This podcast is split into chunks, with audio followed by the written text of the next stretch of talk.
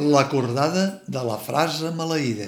Despertamos confusos más allá del silencio, en un sueño de óxido y faros perdidos, como lobos marinos. No sé per què l'autor Jordi Galceran no ha titulat aquesta nova comèdia senzillament La frase maleïda, joc ancestral de criatures i postadolescents de l'era del benestar frustrat, amb la qual ocupa una considerable part del discurs de les quatre protagonistes, quatre escaladores d'UPA. En comptes d'això, Galceran ha preferit traslladar l'imaginari a la Patagònia del Sud amb el cim Fitzroy de Molet, una massa de granit d'especials dificultats per als escaladors entre Xile i l'Argentina, que fa més de 3.400 metres i de la qual l'escenografia de l'obra en reprodueix la part baixa, a tocar del cim, arran dels 3.000 metres, dins un marc que aparenta la projecció d'un fals documental o una reproducció de la gesta en 3D. Que el Fitzroy patagònic no l'hagi aconseguit mai una cordada femenina és el que dona corda a Jordi Galceran per situar les seves quatre heroïnes en la frontera de superar allò que cap altra dona havia superat fins aleshores. Una lectura tan subtil que pot ser que se'ls escapi als espectadors, tenint en compte que estan immersos progressivament en una comèdia on no falta el riure a cor que vols.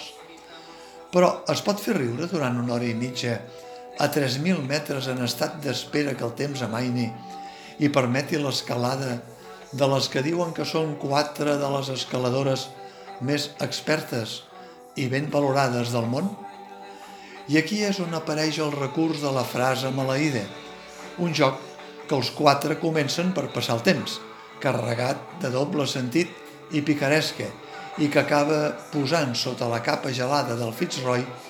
la feblesa de l'amistat cega i la ingenuïtat de l'engany entre amigues, que han de dependre l'una de l'altra sota la seguretat de les cordes, els grampons, l'arnès, el casc, les cintes express, el mosquetó o el cap d'encalatge. Tot aquest material hi és a dojo al camp base anomenat la cadira dels francesos, de les quatre escaladores, com si una furgoneta de Decathlon hagués descarregat una comanda a l'engròs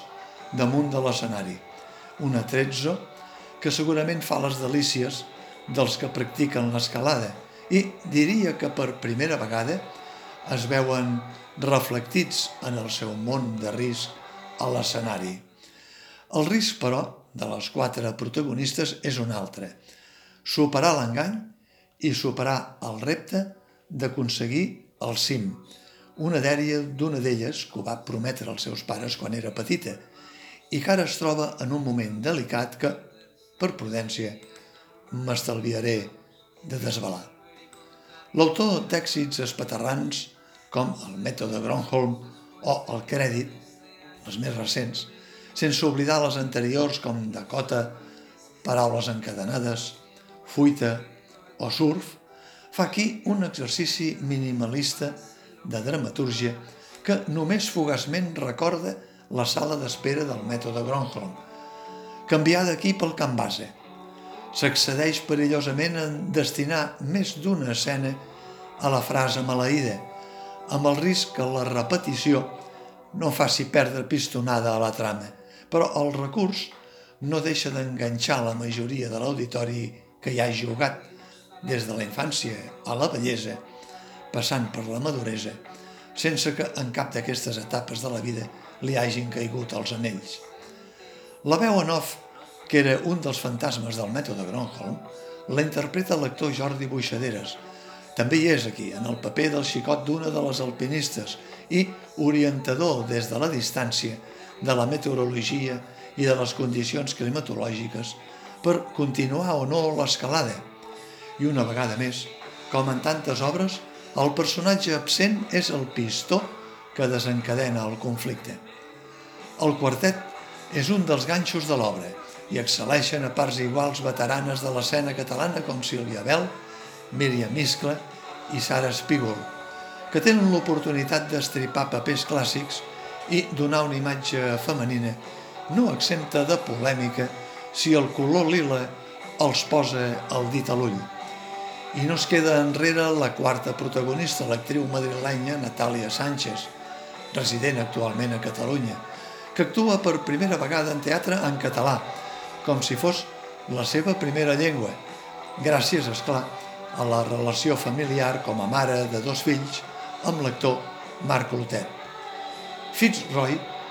sembla que s'hagi escrit i dirigit el tàndem Jordi Galceran-Sergi Balbel funciona a la perfecció des de fa temps pensant en les quatre intèrprets i difícilment te la pots imaginar ja amb altres actrius. I aquí és on hi ha la gràcia del muntatge, perquè elles, com es diu popularment, la tenen tota la gràcia, quan es veuen obligades a fer cordades, si plau per força, per tirar amunt, deixant el passat enrere, si no volen estimbar-se en el camí de la vida.